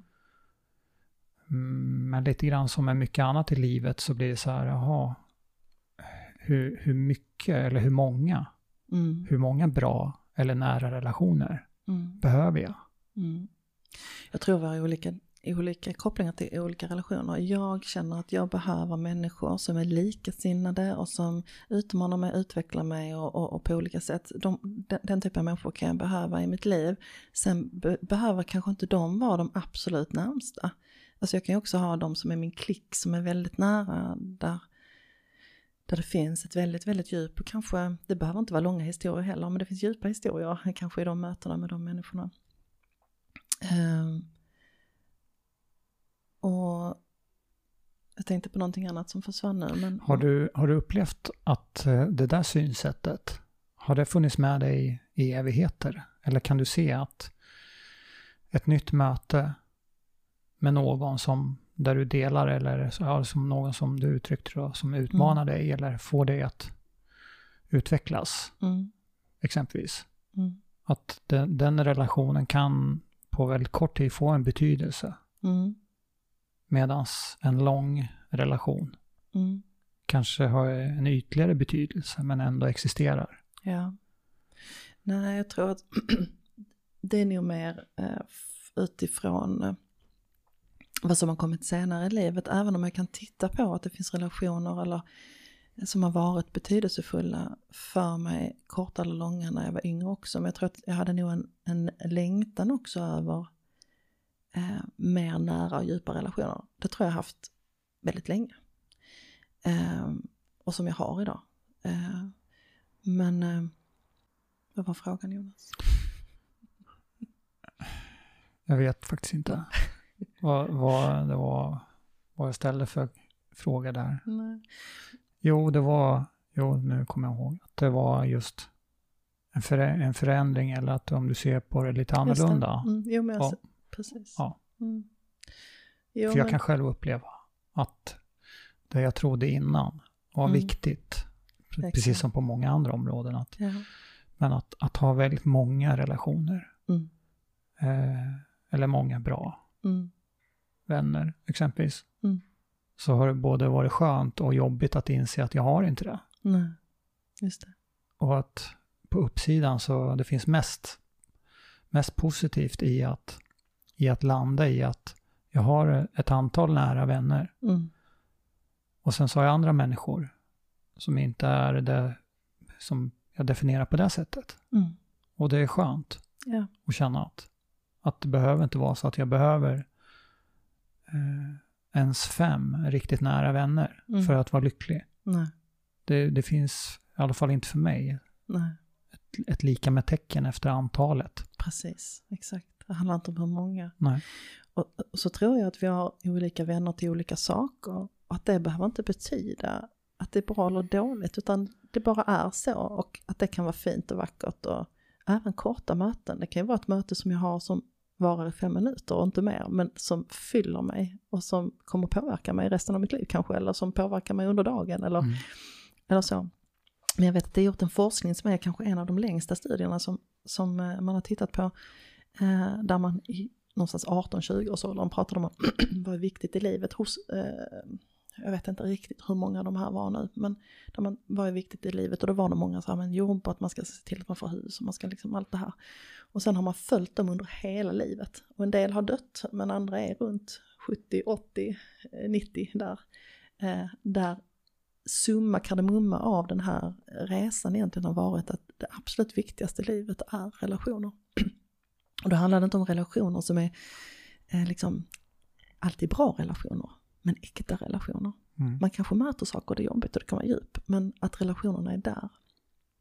Eh, att det är egentligen det absolut viktigaste i livet. Tillit.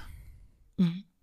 Om vi, kan vi sätta ihop tillit med det vi pratar om nu när vi pratar utveckling. Mm. Och vi i och för sig vi kan knyta an till relationer också. Mm. Vad, vad, vad tänker du när det gäller begreppet Mm. tillit?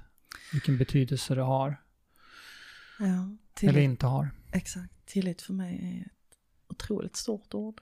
Eh, vackert och eh, som, som gör livet otroligt eh, lätt att leva. Eller lättare kanske jag ska säga. Eller som skapar möjligheter. Ehm, för att om jag har tillit till att allt är precis som det ska i sin imperfektion. För ingenting är perfekt fast ändå perfekt. Om man kan se eh, polariteterna i det. Ehm, så som jag vilar i tillit till allt som är så behöver jag aldrig bekymra mig. Och vad är tillit då? För mig är det att lita på att livet alltid bär mig. Vad som än händer, vad man än möter. Och sen är det ju lätt för mig att säga det som sitter här i västvärlden och har det bra.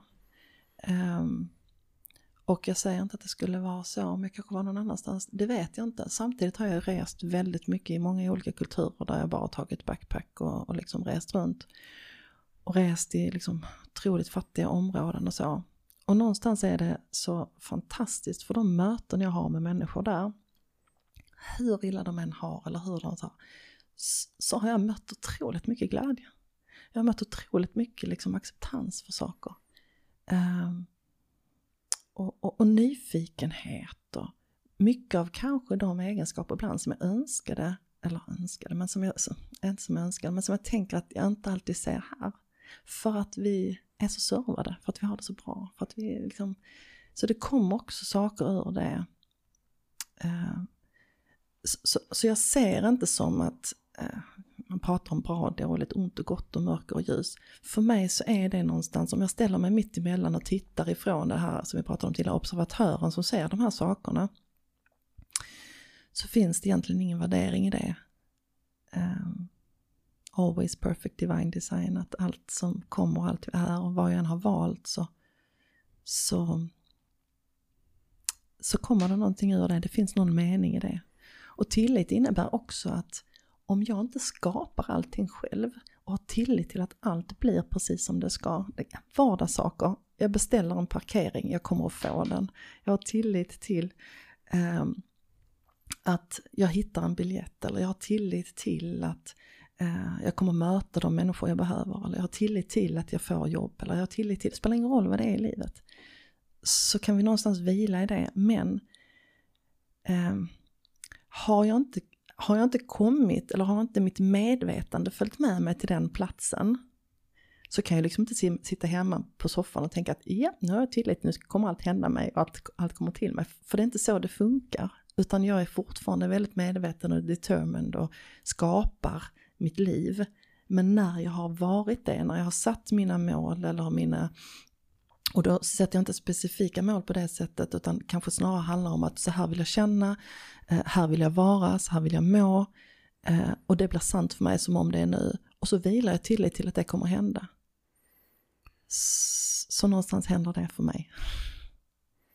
Men säger du då att, eh, att tillit har en, det är en del av utvecklingen? Mm, eller för att, och för att utvecklas för att leda sig själv. Mm. Eller även kanske andra. Mm. Eh, skulle vi kunna säga att tillit eh, gifter sig med, med utveckling? Absolut. Absolut. Eller i alla fall har en relation. Mm. Apropå relationer. Mm, verkligen. Och jag tror på för båda att det överhuvudtaget ska ske. Exakt. För att det ska kunna hända. Mm. Så, så det är lite så här, vi behöver tillit för att utvecklas. Vi behöver utvecklas eh, för att ha tillit. Så de, det, det, är liksom ett, ett, det är ett samspel liksom i det.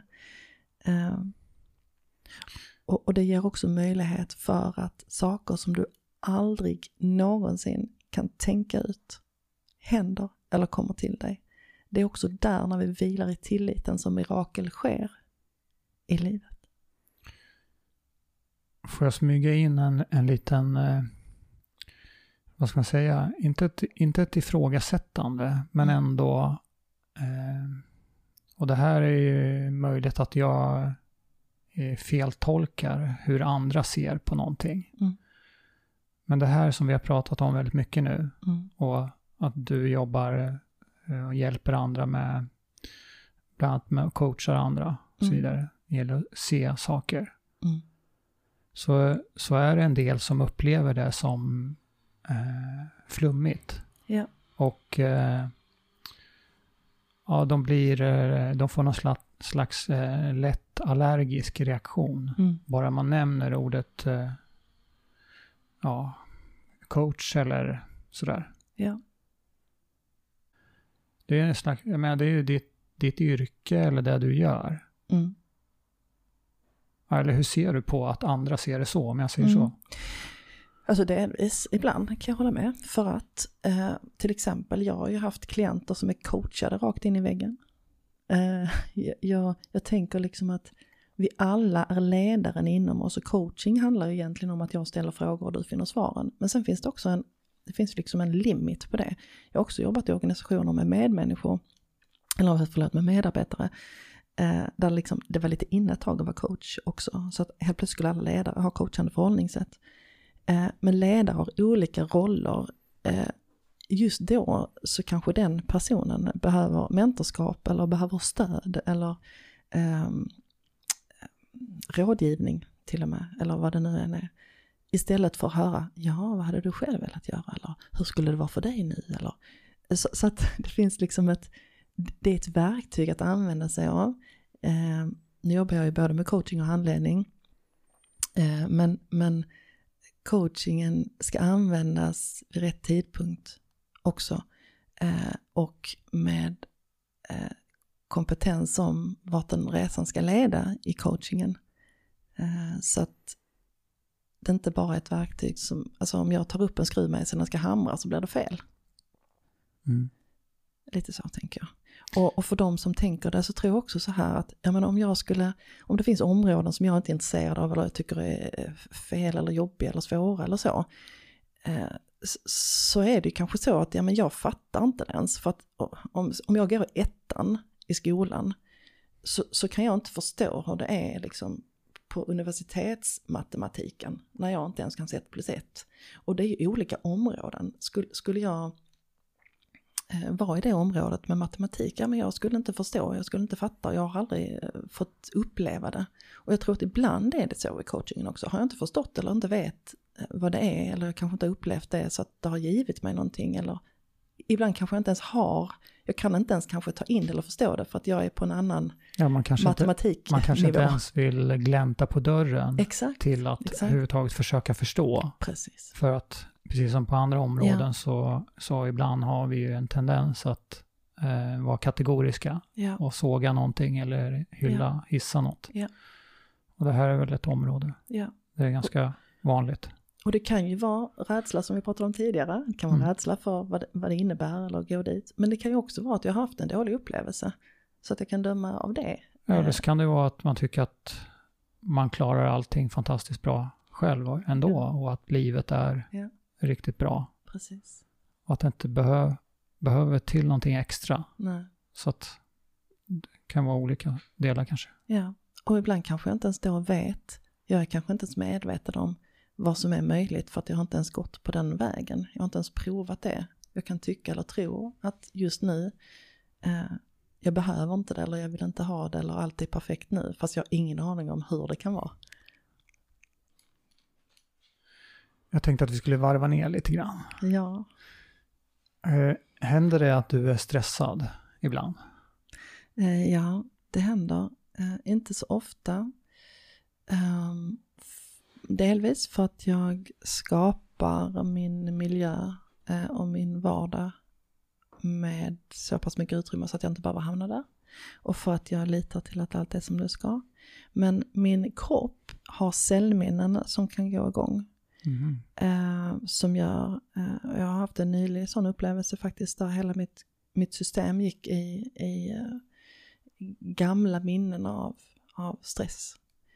Eh, till och med så att jag skakar lite grann liksom i kroppen. Så att ibland, kroppen är ju trögare än vad vår medvetenhet är. Den tar längre tid på sig eh, än vad vår medvetenhet, vår medvetenhet har liksom en högre frekvens om man skulle kalla det så. Så, så på så sätt så, så skulle jag säga att jag kanske inte har varit så stressad i min, i min medvetenhet men min fysiska kropp har reagerat på eh, händelser som påminner om gamla händelser. Vad, vad gör du då när det, när det händer? Eh, delvis andetag, andning är den absolut bästa, eh, bästa verktyget för att påverka både vår hjärtfrekvens men också vårt, hel, hela vårt system. För det talar också om för alla våra hormoner och inre organ och vårt system att allt är lugnt och allt är okej. Okay. Vill du beskriva hur, hur andas man, eller ja, du? Ja. Tekniken för, för någon som lyssnar och som, som skulle vilja mm. testa att andas mm. på ett medvetet sätt. Ja. Så den andning som man har mätt, eh, HeartMath kan man gärna gå in och titta på, jätteintressanta saker. Heart? HeartMath, mm. alltså hjärtmatematik yeah. på engelska. Eh, så att andas in och räkna ungefär fem sekunder genom näsan. Och andas ut genom näsan fem sekunder. Sen kan man förlänga utandningen lite grann. Eh, så mycket så att man kan göra det utan att man forcerar det. Men ju mer man kommer andas och blir lugnare så kommer man att kunna andas ut så att utandningen är lite, lite längre. Så det är ett sätt att liksom komma ner. Sen, sen eh, finns det en annan andning som, som man kan säga både lugnar, eh, man kallar det för eh, conscious connecting breath, där, där du an, an, faktiskt andas med öppen mun.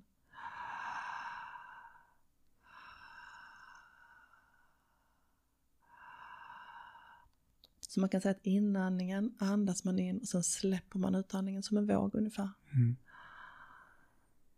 Och det tar en lite grann till den upplevda känslan också av eh, brukar man säga, som, som man kanske också hade när man låg i magen.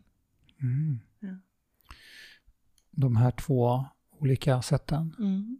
eh, hur många gånger eller hur, hur många andetag ska jag försöka göra eller under eh, hur många minuter eller, ja. eller vad, om man nu är nybörjare eller inte Mm. har gjort det innan. Mm. Hur börjar man?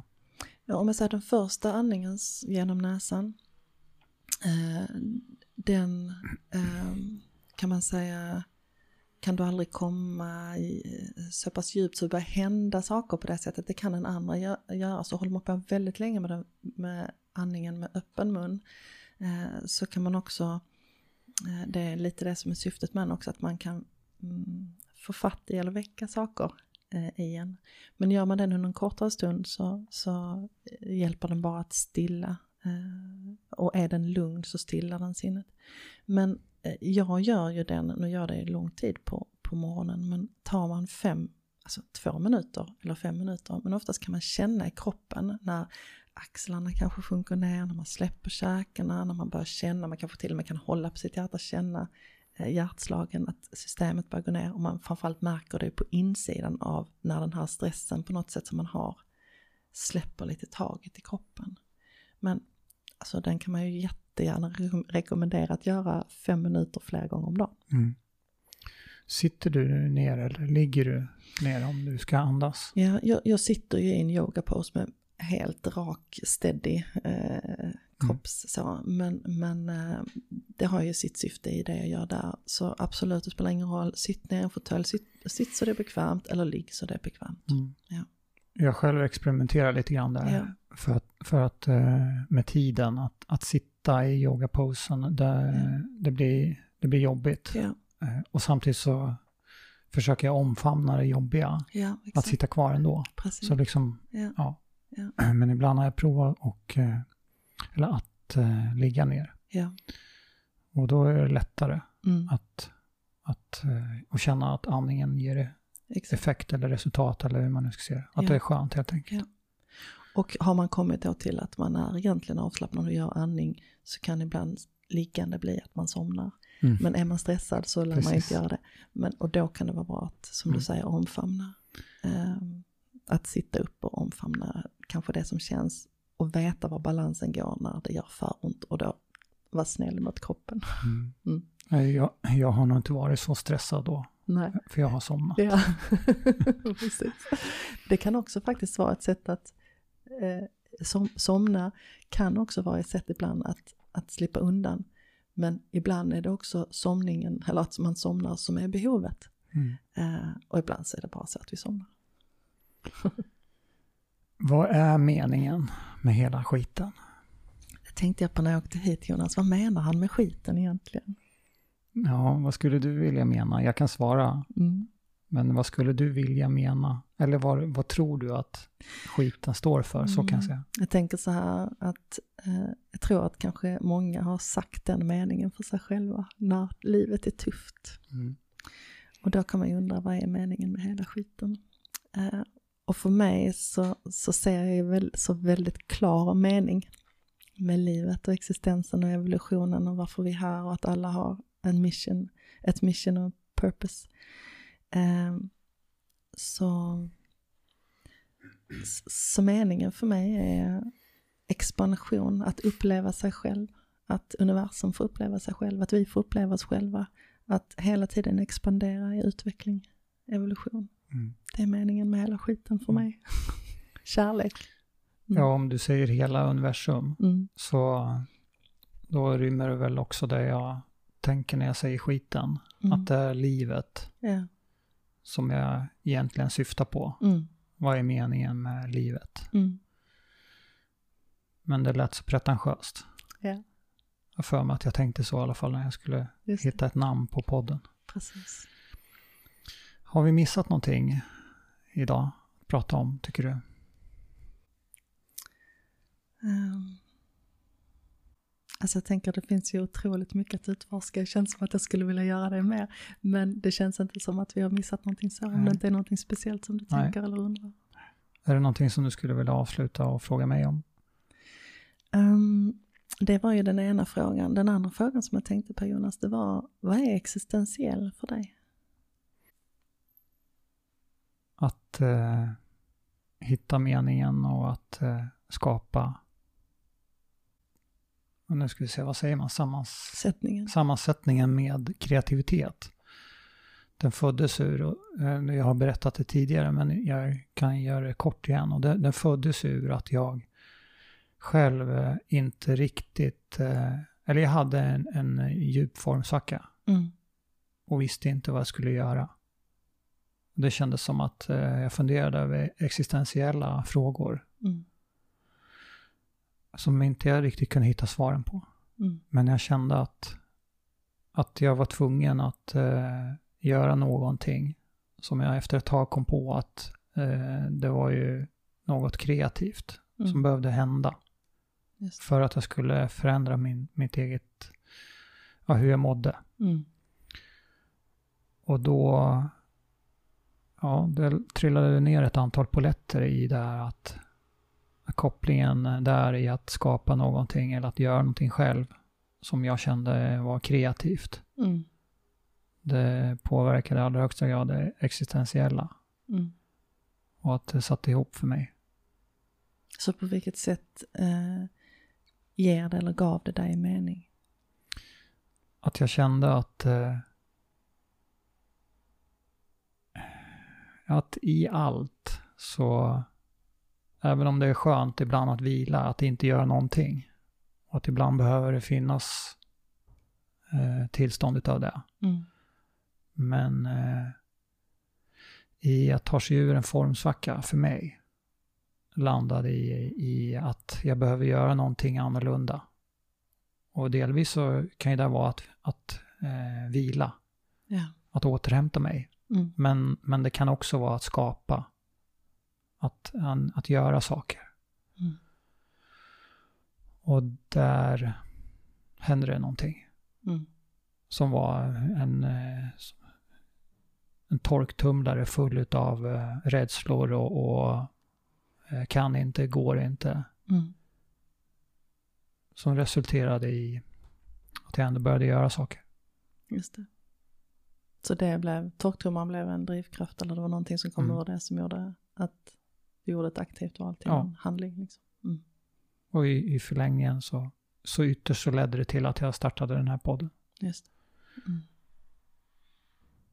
Som många är tacksamma för, tänker jag.